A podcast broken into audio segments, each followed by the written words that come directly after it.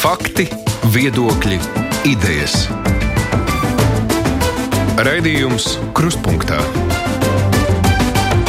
ar izpratni par būtisko. Aizsmeļamies Tomsons studijā.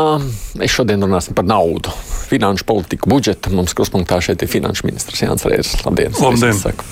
Šī ir ikdienas amatpersonu stunda, kad žurnālistiem un klausītājiem iespējams izveicāt ministru. Kopā ar mums arī Matīs Arnsāns, televīzija de facto un Latvijas avīzes žurnālists Olofs Zvejnieks. Labdien! Klausītāji savus jautājumus varat sūtīt tātad elektroniski mūsu mājaslapā raidījumam krustpunktā vai arī uz elektronisko adresi krustpunktā at Latvijas radio LV. Mums ir pieslēgta arī tiešā etālruņa numurs 6722 888 un 6722 5599. Tas gan attiecas uz tiem, kas klausās mūsu radio tiešraidē, jo pēc tam jau televīzijā ir redzams tikai raidījuma ieraksts. Un pa brīdim, kā parasti pie klausulas, var nākties kādu brīdi gaidīt. Droši vien, ka par jautājumu, uz kurus grūtāk atbildēt par mani vēl ziņojumu, nav nekādas jaunākās ziņas šobrīd jums. Rīt būs balsojums, un mēs gaidām šo balsojumu. Viss, kas ir bijis iepriekš, tātad, tātad mani vēl. Uh, vērtējums, kas ir vērtējums par to, kā mēs esam veikuši reorganizāciju vai pārkārtošanu.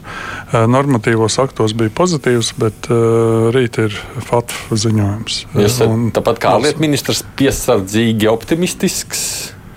Tā viņš izteicies. Nu, varētu tā teikt, jā.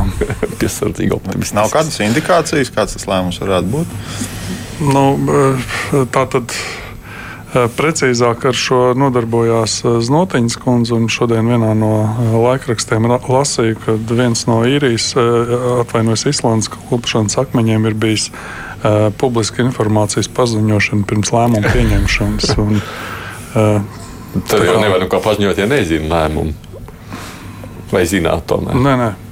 No vai, vai jums uh, pašam ir uh, prātā kādas vājākās vietas, kur, kur mums, nu, lai arī tas uh, manīvola ziņojums tagad, janvārī, ja nemaldos, saņemtais ir bijis ar pozitīvu atzinumu, vai ir kaut kas, nu, kas varētu pavilkt uz leju to Latvijas vērtējumu? Mēs uzsākot tātad gadu atpakaļ valdību uzsākot darbu, mēs izvērtējām to, kas jau ir izdarīts, izvērtējām manivālu prasības 11 punktos, un tad radās ideja par finanšu sistēmas kapitālo remontu. Jo praktiski mēs sapratām, ka ja mēs vienkārši atķeksēsim tās lietas, kas ir jāizdara priekš manivāla vai priekš FATFA, tad uh, tas nebūtu pietiekami, lai reāli sakārtotu finanšu uh, situāciju. Un tāpēc mēs esam darījuši vairāk. Nu, kā piemēram, izmaiņas likumā par uh, komercbankām, uh, nu, FKTK vadības nomaiņa un arī daudz citās jomās, kur atbild citas nozares, par kurām. Līdz ar to m, tāda, nu, kā jūs minējāt, kā ārlietu ministrs saka, piesardzīgs optimisms vērtējumā varētu būt, jo tiešām ir ļoti daudz izdarīts, bet, bet nu, kā, tas, kā tas vērtējums būs, jo neviens arī neticēja, ka Islanda būs pelēkajā sarakstā. Nevar būt Eiropa. Un, praktiski demokrātijas šūpulis, laikam pirmais parlaments bija Islandē, brīvdabas parlaments 14. vai 15. gadsimtā. Ja, un, un, nu, tāda situācija. Līdz ar to es domāju, ka prātīgāk būtu pagaidīt rītdienas lēmumu jautājumus, un tad arī uh, varētu komentēt. Jā. Es pacelšu klausuli, ja dīksienas klausītājs. Kalo! Labdien! Labdien. Gribētu uzdot ministram tādu jautājumu, cik ilgi tam mūs mocīs ar to oiku? Jo pagājušā gadā, cik es zinu, ietaupījums par oiku, par tiem sodītajiem bija ietaupījums 23 miljoni. Un kad mums tarifu piedzīvotājiem samaksās, jo visu tikai liek budžetā, bet mēs tik maksājam un maksājam un maksājam. Nu, Oi, gan laikam nav tiešā jūsu pārziņā. Tā, jā, tā, tā nav tiešā, tiešā atbilde un atbildība. Un, um, es saprotu, ka ir publiskots parlamentārās izmeklēšanas komisijas ziņojums. Es neesmu ar viņu vēl iepazinies, bet, bet ir arī Eh, premjeru uzdotās re rezolūcijas, lai eh, šo jautājumu risinātu. Nu, vien, vienīgais ir jāpasaka tas, ka tas izrādījās eh, nu, daudz sarežģītāk nekā bija priekšvēlēšana retorikā. Un, nu, tie risinājumi laikam nav tik vienkārši. Bet vēl, vēlreiz gribu pateikt, ka tas nav finanšu ministrijas kompetence. Jā, ekonomikas ministrija. Jā, ja varētu pāriet no ārlietām uz iekšlietām. Tad uh, Finanšu ministrija pagājušā gada rudenī bija visoptimistiskākā, kas prognozēja Latvijas iekšzemes koprodukta izaugsmu par 2,8%. Nu, pat kā es ieraudzīju, ka jūs esat kļuvuši stipri skābāki, un tagad jau tikai 2,2%. Kas tāds ir noticis dažos mēnešos, ka jūs tik radikāli esat mainījuši prognozes, nu, kas būtībā ir signāls, ka lietas iet sliktāk nekā bija cerēts? Tātad, eh, pirmkārt, eh, budžeta veidošanas procesā ir brīdis, kad ir jāapstājās ar prognozēm, jo tad tas mērķis ir kustīgs un tu nevari saprast, cik ir ieņēmumi, eh, cik var plānot izdevumus. Latvija parasti to dara augusta mēnesī, kad mēs vērtējam pusgada rezultātus. Un šie pusgada rezultāti mums ļāva secināt, ka izaugsme būs 2,8%. Izvērtējot gada rezultātus, tātad eh, jāsacina, ka gan eh, akcijas nodoklis eh, nav izpildījies plānotā apjomā, gan pievienotās vērtības nodoklis nav izpildījies, un viennozīmīgi katastrofāls uzņēmuma ienākuma nodokļu ieņēmumu. Līdz ar to tas, ir, tas bija arī par pamatu, lai mēs pārvērtētu savas prognozes, jo balstoties uz iepriekšējā gada izpildu, mums ir iespēja caur prognozēm koriģēt 20. gada budžetu, un viennozīmīgi tiks korģēts tas budžets, kas ir apstiprināts 21. gada vidējā termiņa budžeta ietvars, arī tiks korģēts uz, uz leju. Bet nu, jāsaka, ka šie 2,2% ir arī neraksturīgi. Tie ir visoptimistiskākie. Mēs rēķinām Pasaules bankas ekspertu, laikam 1,5 bija zemākais Latvijas novērtējums - 2,2. Mēs esam saskaņojuši ar Eiropas komisiju, ar Latvijas banku, un šāds novērtējums ir.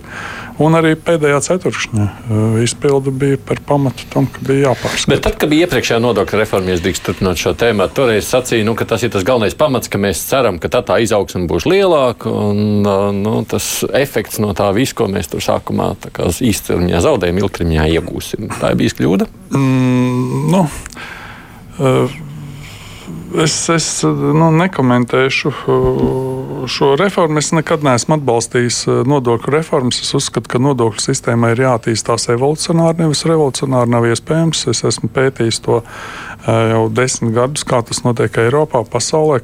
Pēc vēlēšanām ļoti daudzās valstīs ir pat veidoti biroji speciāli, lai veidot re, nodokļu reformu, bet beidzās ar to, ka tomēr tas nav iespējams, jo nodokļi veidojās evolucionāri un, un uh, tad viņ, viņos ir iespējami uzlabojumi. Uh, okay, ja mēs uh, 17. gadā pieņēmām šo reformu, tad es uzskatu, ka mums ir jā, jāturpina strādāt ar šo nodokļu sistēmu, un viņa ir jāevolucionē. Nekādā gadījumā nedrīkst tagad nodokļu sistēmā veikt atkal kaut kādas revolucionāras izmaiņas, ja, jo praktiski. Nu, visvairāk ietekmē, un uzņēmēji tieši sūdzās par to, ka bieži tiek kaut kas mainīts. Šeit ir jāatgādina, ka trīs gadus pamatnodokļi vispār nav aiztikti un, un mainīti. Un šī nenoteiktība rada arī bažas. Līdz ar to mēs esam pirmkārt par noteiktību, otrkārt par to uh, situāciju, ka uh, nu, uzņēmuma ienākuma nodoklis ne tikai budžetā radīja robus, bet arī ļoti liels robus uh, nevalstiskam sektoram. Sabiedriskā labuma organizācijām praktiski bija laiks, kad apstājās pilnībā visa ziedošana.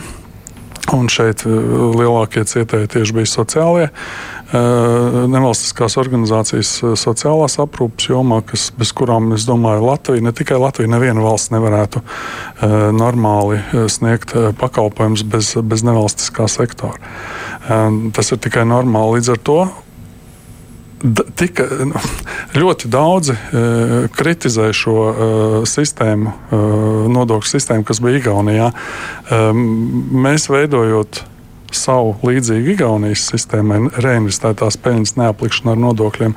Mēģinājām izvairīties no tām kļūdām, kas ir bijušas, bet laikam nu, no visām uh, nespējām izvairīties.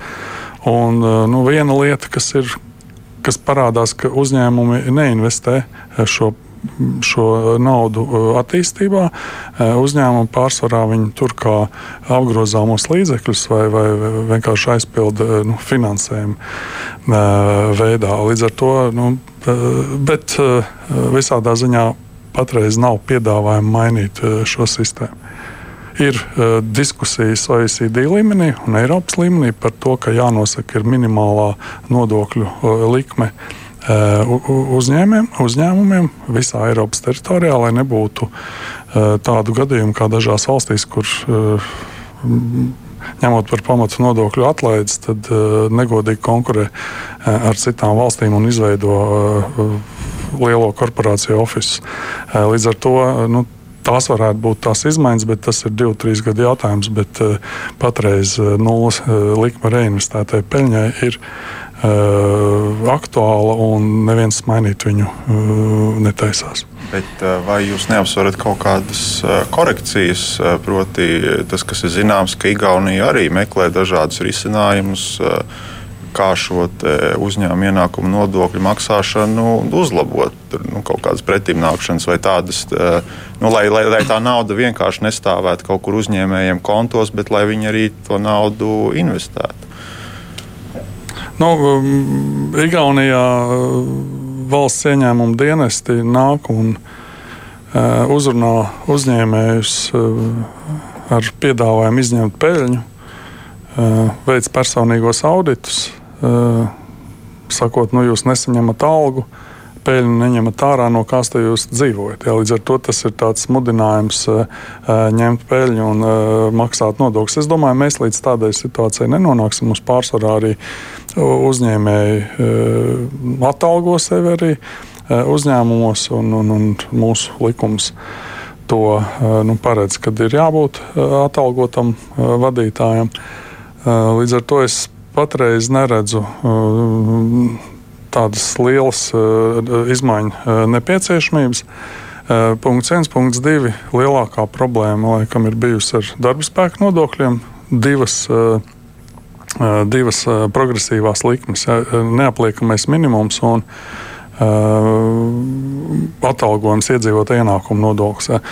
Grūti administrējams, bet nav piedāvājumi, kas risinātu vienkāršot. Tātad vispār ieviest kaut kādu minimālā, slie, neapliekamā minimuma slieksni plakanu. Mēs reiķinājām pie esošā 310 eiro mēnesī. Tas prasītu pie 150, 170 miljonus no budžeta papildus līdzekļus. Līdz ar to nav iespējams atrisināt gan fiskāli, gan šo vienkāršošanu. Te mēs skatāmies Lietuvas piemēru. Lietuva ieviešot, tātad pirmajā gadā bija kaut kas līdzīgs, kad vajadzēja deklarēties, otrajā gadā jau bija mierīgāk, un trešā gadā vispār nav jautājumu par šo sistēmu. Kas ir pozitīvi šai no vienas puses negatīvi, bet no otras puses cilvēki vairāk izmantoja ar atvieglojumus, to, ko valsts dod atvieglojumu iedzīvot ienākumu nodoklī, un, piemēram, par pagājušo gadu atvieglojumu vairāk saņemt par 40 30 vai 40 miljoniem eiro eh, pret iepriekšējo gadu, kas ir nu, pozitīvs, ka cilvēki sāk interesēties, palielinās uh, finanšu pratība un arī tiek izmantots iespējas gan par pensiju uzkrājumu trešā kapitāla līmenī, gan par bērnu apdrošināšanu, gan par veselību, izglītību, bērnu brīvā laika pavadīšanu, atprasīt līdz pārmaksātos nodokļus. Es pacelšu klausuli, ja drīkst pa priekšu, tad halo! Labdien! Labdien. Tāds uh, dabisks jautājums. Uh, praktiski tā gribēju teikt. Uh, akcijas nodokli. Ja? Es strādāju mazumtirdzniecībā, un katru gadu tas nodoklis tiek pacelts. Ja? Mazumtirdzniecībā katru reizi jā, jāveic, jāveic inventarizācijas. Ja? Tas ir aizskar entos tūkstošus mazumtirgotāju. Ja? Kāpēc to nodokli nevar ar ministru kabinetu noteikumiem? ātrāk piemērot, piemēram, nu, mēnesi vai divus ātrāk vairumtirgotājiem tikai. Mazumtirgotāji vienkārši pakāpeniski viņi maksātu.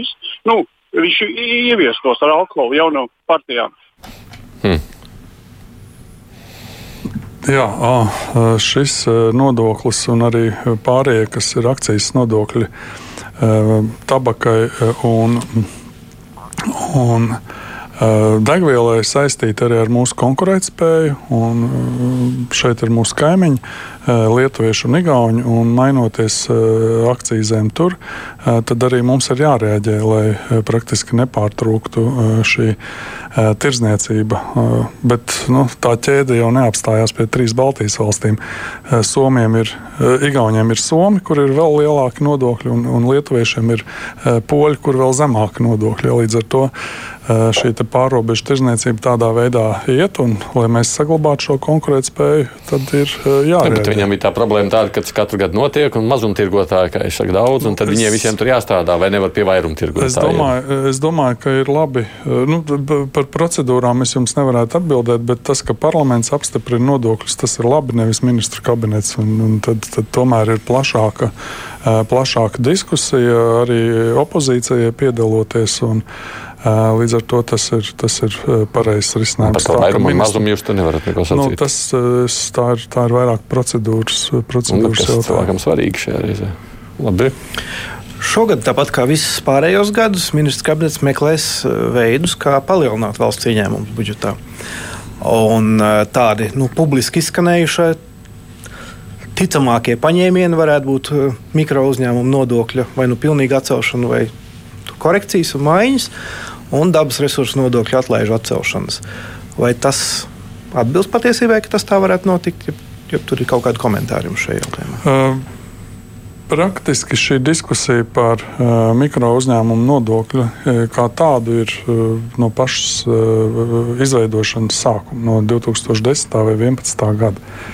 Uh, sāsinājās tieši tagad, kad mēs runājam par veselības uh, finansējumu un veselības apdrošināšanu. Jo uh, ieviešot uh, divu grozu modeli, ļaujot brīvprātīgi apdrošināties, tad tas paģērēja, ka 600 tūkstoši strādājošie maksāja 1% sociālā nodokļa vairāk. No 18. gada jau tātad jau divus gadus maksā vairāk. Bet tie, kas strādā ar atvieglotiem režīmiem, tie nemaksā vispār par veselības aprūpi. Un atceļot šo divu grozu sistēmu, sanāk tā, ka nekas nav mainījies, bet tie, kas maksāja daudz, maksā vēl vairāk par 1%. Un, nu, šī kvalitāte, kāda ir, tāda ir. Un mēs esam viena no retajām Eiropas Savienības valstīm, kur cilvēks ar personas kodu var dabūt veselības pakalpojumu jebkurā apjomā. Nu, tas tā nav. Citās valstīs tā nav. Ir, ir kontrols mehānismi un ir iespējas regulēt nu, šos maksājumus. Piemēram, arī mūsu deputāti, kas ir Eiropas parlamentā, kur nodokļi tiek maksāti Briselē, viņi brīnās un jautā, kāpēc man ir veselība aprūpa, veselības aprūpa pavelti. Bet tā ir. Jā, viņiem, viņiem, viņiem šī ir pavelti. Līdz ar to šis ir jautājums par taisnīgumu. Un, ja mums ir nepieciešama līdzekļi, tad pirmkārt ir jāizlīdzina nodokļu sistēma un nav jāiztiek tie, kas jau maksā tie 600 tūkstoši cilvēku, no kuriem tiek iekasēts vispārējā kārtībā gan iedzīvotāju ienākumu nodoklis, kas uztur pašvaldību budžetus un pašvaldību pakalpojumus, gan arī sociālās iemaksas, kas ir paredzētas pensijā, pirmais, otrais līmenis, pensijas vecākiem, Eh, apdrošināšana bezdarba gadījumā, invaliditāte, slimības pabalstu un tā tālāk. Tātad mums nu, vairāk nekā 200 tūkstoši cilvēku nepiedalās eh, šajā budžetā. 30 gadus pēc nu, valsts neatkarības uh, ieviešanas. Līdz ar to tie 600 tūkstoši cilvēki vairs nevar panest vairāk uh, šo palielinājumu. Uh, līdz ar to ir jāizlīdzina, un tas ir jautājums šī gada pirmajā sēdē satversmes tiesā, kur gan valsts prezidents, gan satversmes tiesas priekšētāji teica, ka nodokļu sistēmā ir jāpiedalās visiem. Un tas ir arī viens no motivatoriem, kāpēc mēs uzskatām, ka būtu tātad šī mikro uzņēmuma sistēma jāatstāja varbūt kā tāda, bet nodokļi jāpiemēro vispārējā apjomā. Jo kas ir pozitīvs priekš jauniem uzņēmumiem, eh, tas ir tas, ka ir vienkārši grāmatvedības uzskaita. Ja, to sistēmu atstājot, bet liedzot, piemēram, slēgt uh, līgumus ar uh, juridiskām personām, kas praktiski ir algu optimizācija, ļaujot pakalpojumus sniegt tikai fiziskām personām. Nu, tiešām veidot sistēmu, kur jauns uzņēmējs, kas grib uzsākt darbu, lai nebūtu sarežģīta grāmatvedība, varētu pamēģināt, kā tas ir. Praktiski daudzus gadus jau tiek runāts, ka šis mikro uzņēmuma eh, nodoklis tiek eh, izmantots arī kā mūsu eh, nu, nodokļu sistēmas optimizēšana darba alga. Līdz ar to tas ir viens no piedāvājumiem, kā šo mikro uzņēmumu nodokli atstāt tīri priekš tā, lai varētu uzsākt uzņēmējdarbību, bet tie, kas ir faktiskās darba attiecībās, viņiem būtu jāpāriet uz kopējo nodokļu vai vispārējo nodokļu režīmu. Mm. Bet kas liedza to darīt agrāk? Mikro uzņēmumu nodokļu režīms savulaik tika iecerēts kā atbalsta sistēma mazajam biznesam un mājamatniecībai. Šobrīd tas ir pārvērties par sistēmu, pēc kādas strādā grāmatvežu kantori, advokātu biroji un, un, un tam līdzīgi. Tas taču bija redzams jau vairākus gadus atpakaļ. Kāpēc šīs izmaiņas tikai tagad notiek? Tā tad viņas vēl nenotiek.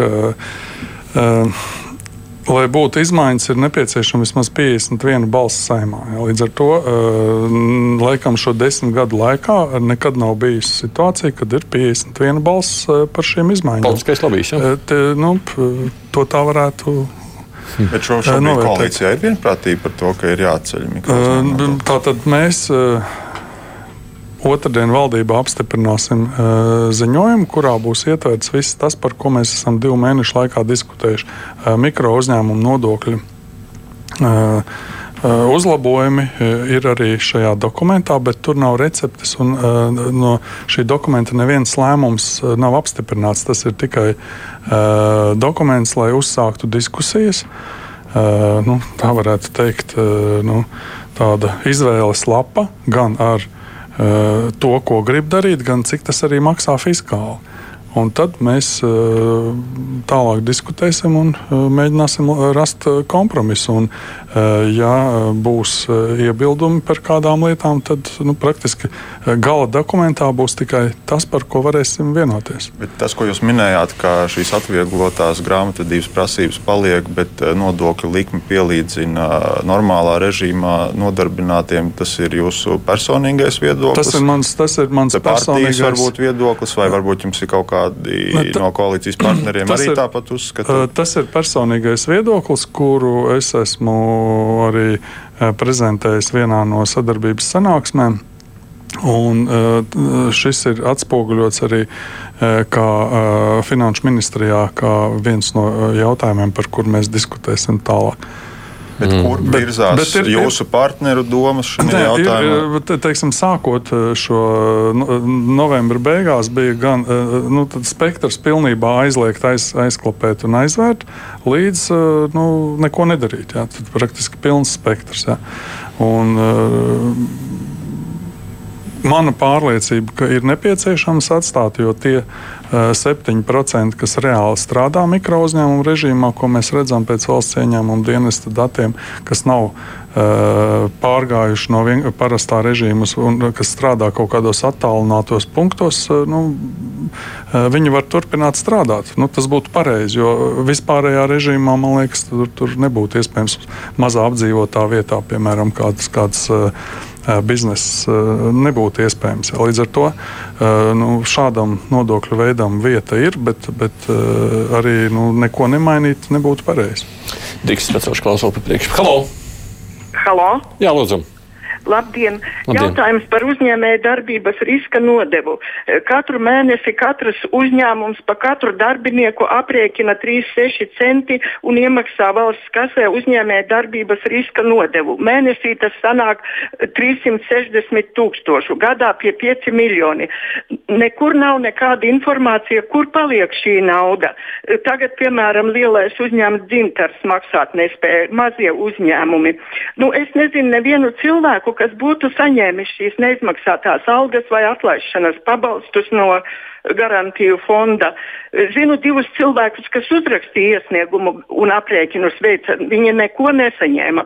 Mm, nu, jautājums ir skaidrs. Jā, jautājums skaidrs un uh, atbildes man nav. Es vienkārši varu uh, to noskaidrot uh, dienas laikā un uh, informēt, un jūs varbūt varat internetā okay. ielikt, jo uh, jā, šī nodeva tiek maksāta. Mērķis ir tiešām uzņēmē, uzņēmumiem, kuri nav maksājuši nodokļus, lai maks varētu darbiniekiem izmaksāt bet eh, kā tas tiek mm.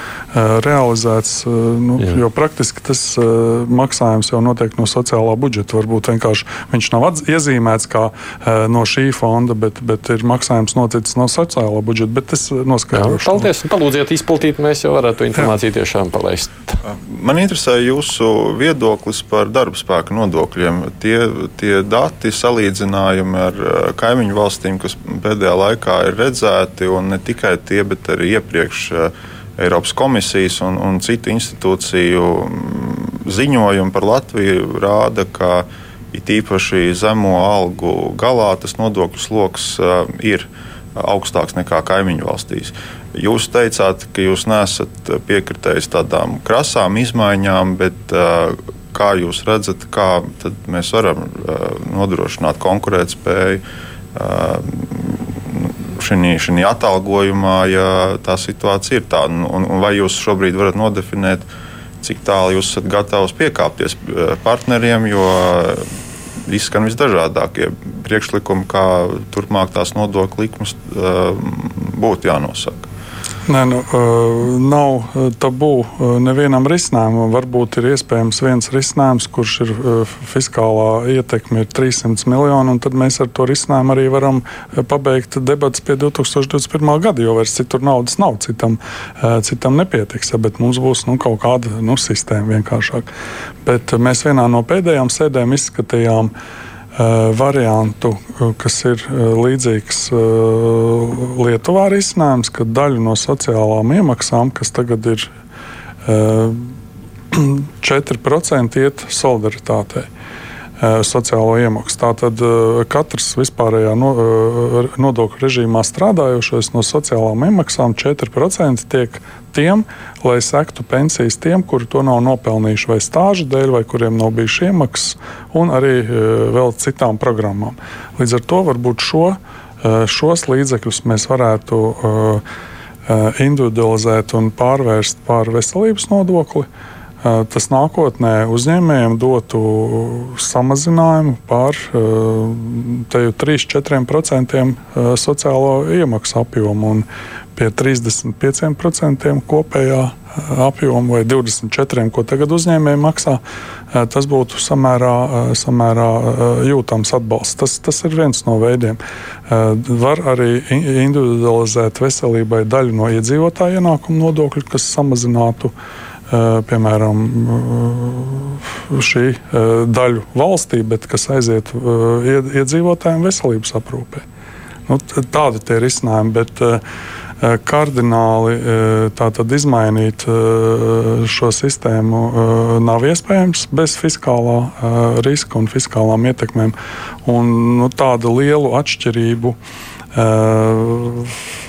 vērtējot, nu, tie procenti ir ļoti līdzīgi gan Lietuvā, gan Igaunijā. Es atgādināšu, šeit studijā mums ir finanšu ministrs Jānis Reirs, un iespēju viņu izjautāt gan klausītājiem, gan arī žurnālistiem Matīs Arnsāns, Olavs Zvejnieks. Man kolēģi šeit studijā arī ir. Raidījums Krustpunktā. Nu, no tiem elektroniskiem jautājumiem, kas savukārt nāk, tie ir vairāk par nekustamā īpašuma nodokli. Tāpēc droši vien jautājums, es vienkārši tos apkopojot vienā, kāds ir tas jūsu redzējums saistībā ar šo te. Tātad uh, valdība ir pieņēmusi lēmumu iesaldēt esošo nekustamā īpašuma uh, nodokļu maksāšanu uh, visu sistēmu līdz 2022. gadam. Un praktiski Tieslietu ministrija, lai mainītu, eh, mainītu sistēmu, Tieslietu ministrija izstrādā eh, faktiskās kadastrālās vērtības, un tad, eh, izējot no faktiskām kadastrālām vērtībām, būtu jānosaka šis nodokļu apjoms. Jo viens procents, kas ir tagad, nu, viņš ir samērā augsts. Ja mēs salīdzinām gan ar kaimiņiem, gan pārējām valstīm, pārsvarā šis nodoklis varētu būt 0,2, 0,4, 0,6%. Un, un, un, bet mums ir dēļ izkropļotām kadastrālām vērtībām, mums ir situācija, ka cilvēki, kas dzīvo nu, daudz dzīvokļu namos, piemēram, šo īpašumu vērtības ir ļoti tuvu kadastram. Un tie, kas ir iegādājušies eh, termiņu uzturēšanās atļaujām vai citādiem veidiem, eh, viņu eh, šīs kadastrālās vērtības ir zemas. Ja, praktiski tad būtu jātiek vispirms pie pareizām kadastrālām vērtībām, kas atspoguļo tirgus vērtību, un tad izējot no tā, Finanšu ministrija varētu aprēķināt nekustamā īpašuma nodokli apjomu Eh, kas būtu tuvs eh, esošai situācijai. Te, te nav, te nav eh, šī nodokļa. Reforma nav mērķis palielināt fiskālo telpu vai vairāk budžetu, vairāk naudu budžetā. Šeit ir vienkārši sakārtot sistēmu, lai tie, kam ir reāli lētāks īpašums, maksātu mazāk, un tie, kam lielāks, maksātu vairāk. Nu, nevar būt tā, ka nu, tur Eh, īpašums, eh, piemēram, Jūrmalā. Nopirkts par diviem miljoniem kā termiņu uzturēšanās atļauja, bet viņa kadastrālā vērtība ir 200 tūkstoši. Ja, tad praktiski tur nekas netiek maksāts. Līdz ar to šis ir jāsakārto. Un, bet vēlreiz gribu pateikt un, un nomierināt to, ka šis, šī reforma nekādā gadījumā nav, lai papildinātu budžetu.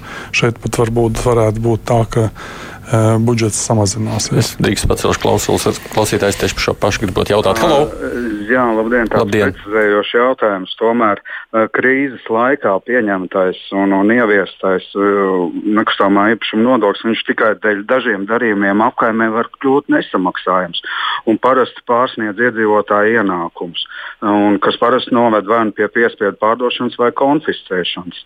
Un līdz ar to īpašumu tiek sākt koncentrēt ar vien šaurākas iedzīvotāju iedzīvotāju grupas rokās. Un kā šis gaidāmās izmaiņas to novērsīs? Paldies! Nē, nu, šeit, paldies Dievam, mēs neesam jaunatklājēji. Šeit daudzas valsts pirms tam ir izgājušas šo bēdīgo pieredzi.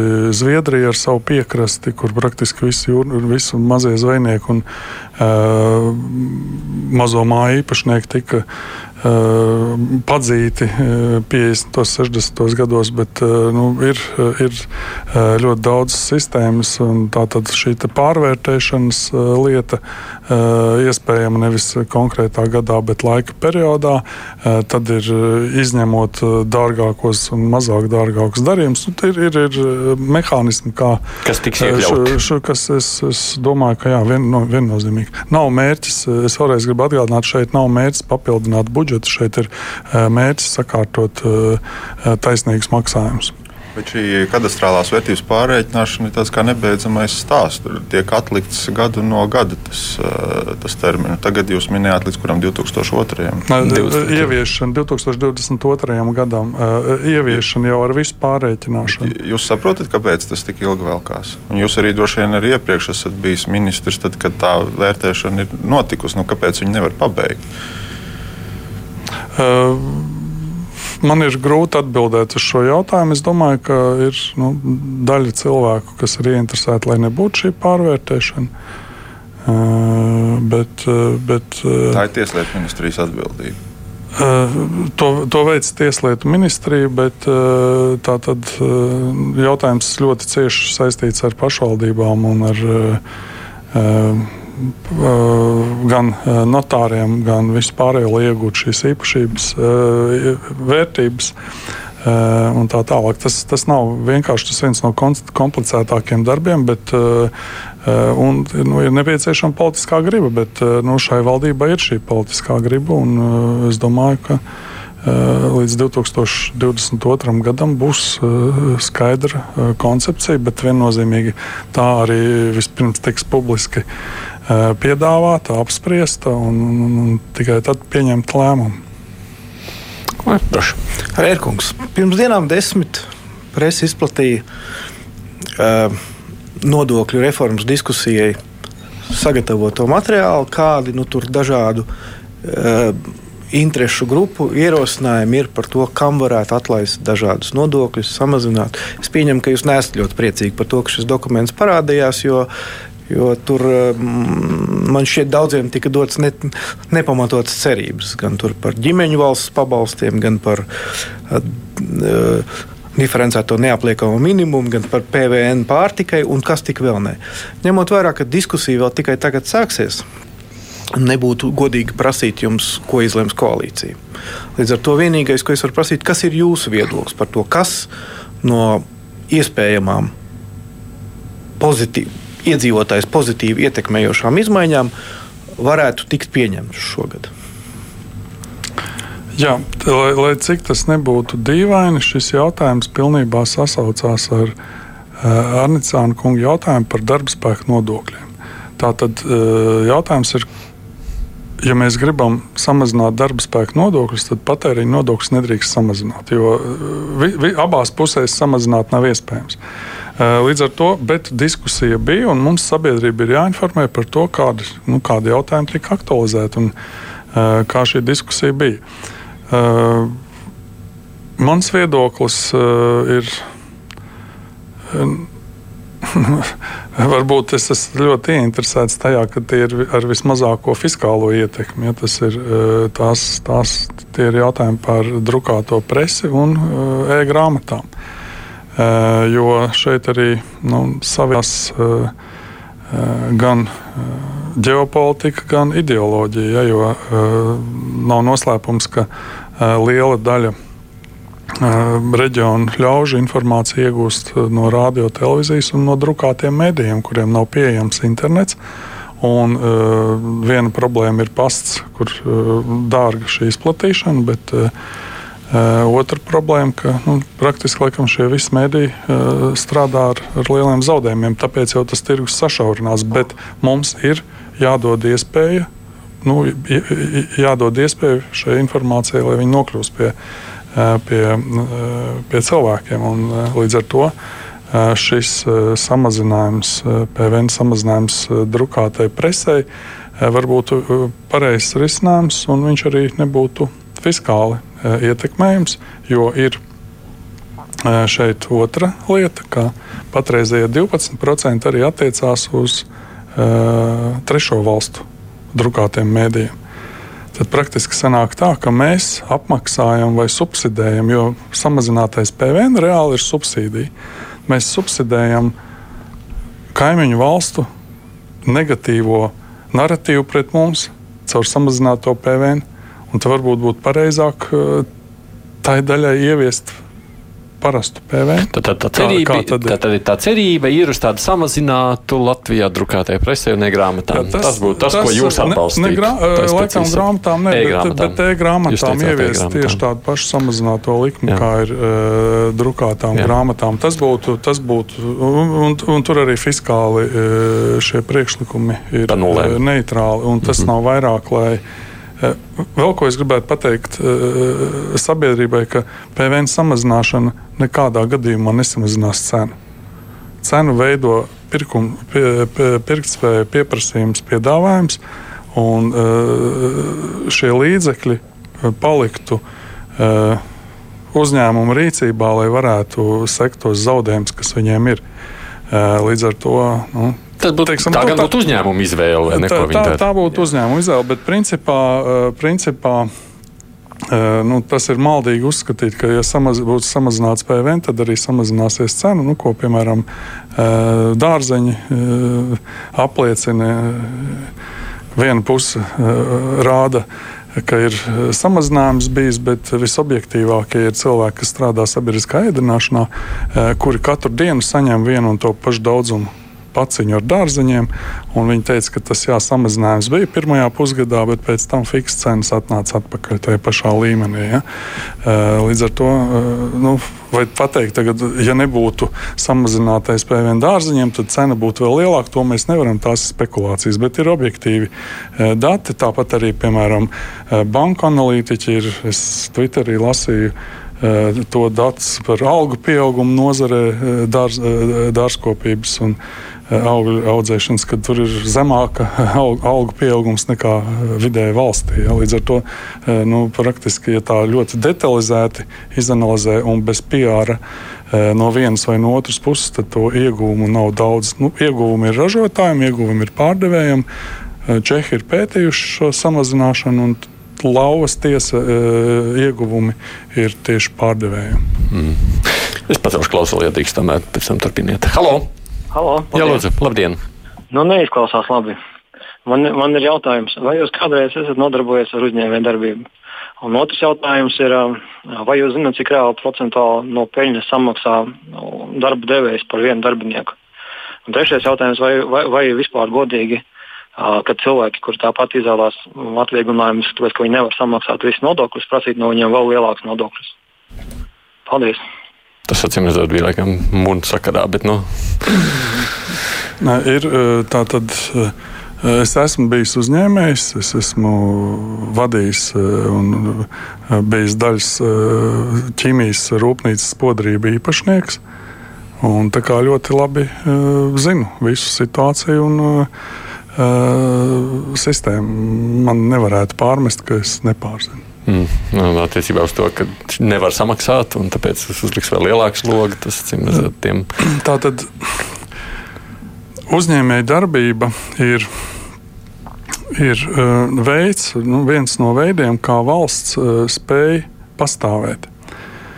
Un, uh, tātad visi uzņēmēji un sabiedrība vienojās par kādu noteiktu daļu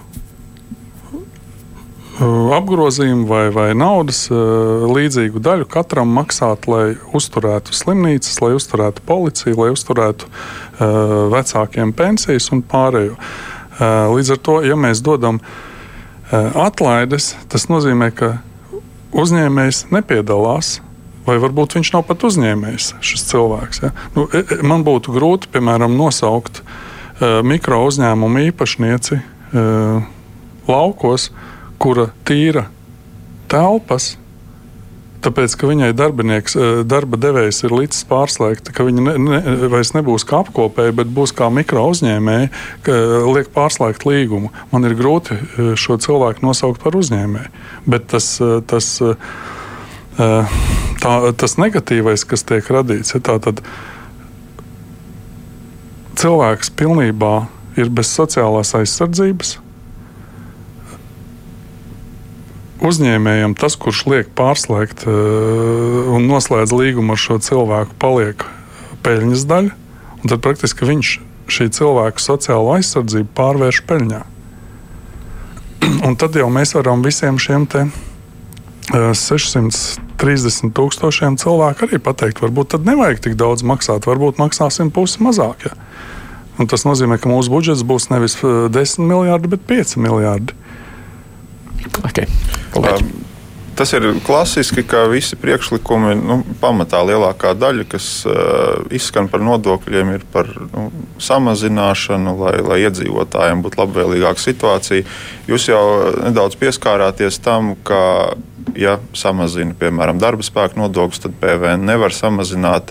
Uh, tas jautājums ir, kur jūs vēl redzat, kādos nodokļos jūs redzat iespēju, uh, ja tā var teikt, savilkt galus kopā ja notiek kaut kādas nodokļu samazināšanas. Kas vēl vispār bez PVN, mikro uzņēmumu eh, nodokļa mm, atcelšanas vai reformēšanas, kādas iespējas vēl jums vispār ir? Praktiski daudz šo iespēju nav, bet mēs arī nodokļu diskusiju par nodokļu sistēmas uzlabošanu nevērtējām, kā arī šo budžeta papildināšanas. Tas nebija galvenais mērķis. Tas, tomēr galvenais mērķis bija veidot taisnīgu sistēmu, lai visi piedalās vienādi mūsu valsts izdevumu uzturēšanā. Kā jau teicu, par ārstiem, par policistiem, par, par skolotājiem. Līdz ar to šī joma, kas ir mikro uzņēmumi un pārējās sistēmas atlaižu, ir tā, kas nepiedalās uh, finansējumā. Uh, jo, piemēram, mikro uzņēmējs vai cilvēki, kas mikro uzņēmumā strādā, viņi pat nenosedz savus sociālos uh, maksājumus nākotnē. Viņi pat nevar nopelnīt līdz minimālajai pensijai. Strādājot mikro uzņēmuma režīmā, mēs pārējie maksāsim par viņiem nākotnē, par, par pensijām veselības apdrošināšana, slimības lapas, bezdarbs, tas ir individuālais apdrošināšanas veids. Tur viņi neko nesaņems. Ja tā tad šis cilvēks, kas jautāja man par to, ka nu, vai es esmu bijis uzņēmējs un vai var, vai var vēl maks, likt maksāt nodokļus, ja nevar maksāt, samaksāt, tad ir jāizvēlās cita nodarbe. Pirmkārt, un otrkārt, nu, šis cilvēks, un ir bijuši tādi gadījumi, saņemot slimības lapu, pāris centu dienu apjo, dienā, dienas laikā, nu, tad viņš ir sašuts. Kāpēc? Tad, eh, kur tad viņam viņš pelnīja 500 eiro un tagad viņam ir uh, lats nesanāk mēnesī? Nu, tad, tad, tad, nu, Atkal, atkal meklējam vainīgos, bet, bet nu, katrs, katram cilvēkam ir iespēja izvēlēties šo režīmu. Un, um, pēdējo divu vai trīs gadu laikā tieši darba spēka nodokļu ieņēmumi ir tie, kas ir pieauguši. Es domāju, tur ir arī labklājības ministrijas aktivitātes par to, ka cilvēkiem stāstot, ka ja tev kāds piedāvā apkrāpsim valsti, nesamaksāsim sociālās iemaksas, tas praktiski piedāvā, kā apkrāpt šo cilvēku. Un laikā, kad ir darba spēka trūkums, es saprotu, pēckrīzes eh, laikos bija eh, problēmas, ka uh, darba devēja neņēma darbā, pateica, nebūs mikro uzņēmums, mēs tev neņemsim. Patreizējā situācijā darbinieks var diktēt noteikumus. Tas ir viennozīmīgi. Līdz ar to tas, kā pieaug šie ieņēmumi, iemaksās, liecina par to, ka daudz cilvēki šo dara.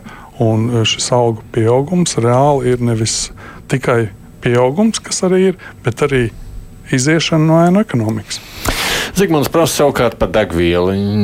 To, ka daudz ar vien vairāk šobrīd brauc uz Lietuvu, sakot, atšķirība kļūst diezgan ievērojama. Viņš saka, zina kompānijas, kuras pārcēlušas uzpildi tikai uz Lietuvu šobrīd. Ir. Vai un kā jūs tur grasāties kaut kā šo lietu kārtot? Nu jā, šis ir uh, nodokļu reformas pēdējais laikam tāds sveiciens. 17. gadā pieņemtais, jo, lai kompensētu visus šīs izdevumus gan par uh, uzņēmumu ienākumu nodokļu neieņēmumiem, tātad trīs gadu garumā tika palielināts akcijas nodoklis. Šis palielinājums, kas ir no 1. janvāra, jau tika pieņemts Sēmā um, 2016. gadā. Un jau pretīm bija izdevumi, līdz ar to, ja mēs uh, nepalielināt, tad mums nāktos meklēt, kur samazināt izdevumu daļu par 30 miljoniem. Mēs patreizējā situācijā neplānojam izmaiņas nodokļos, palielinājumu veidā. Nu, šajā perspektīvā, kas ir vienīgais, ko mēs gribam izdarīt, ieviest akcijas nodokļu vietā daļu no nodokļu CO2 komponentu kas būtu 25 eiro par tonu, kas nemainītu akcijas nodokļu apjomu, bet kas tieši parādītu, cik tad ir šī CO2 komponenta degvielā, kas ir nu, izmešu cena praktiski biržā par. par kvotu iegādi. Bet kāda izlīdzināšanās ar Lietuvu jūs neredzat iespēju runāt, nezinu, mazināt? Nē, nu, te ir jautājums par pārobežu tirzniecību arī eh, mūsu ziemeļi eh, Latvija iegūst no tā, ka Igaunijā ir lielāks. Ja? Un eh, Lietuvas dienvidi arī pildās Polijā, nevis Lietuvā. Ja? Līdz ar to šī kustība visu laiku notiek.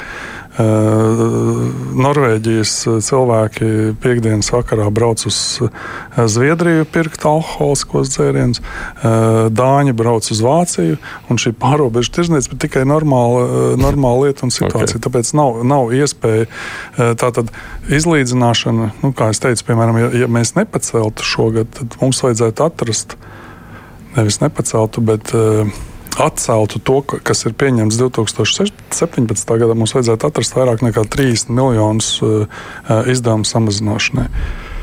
Mm, okay. Labi, labi. Apstiprinot šī gada budžetu pagājušā gada rudenī, karstais kartupēlis bija mediķu atalgojums. Bija jāatrod, ja nemaldos, 80 miljoni. Šogad saskaņā ar mediķu atalgojumu reformu plānu, ja nemaldos, ir jāatrod ap 140 miljoniem. Uh, sakiet, vai ir realistiski cerēt, ka valdība spēs izpildīt šo solījumu, vai ir atkal gaidāms piketi, demonstrācijas un olu mētāšana?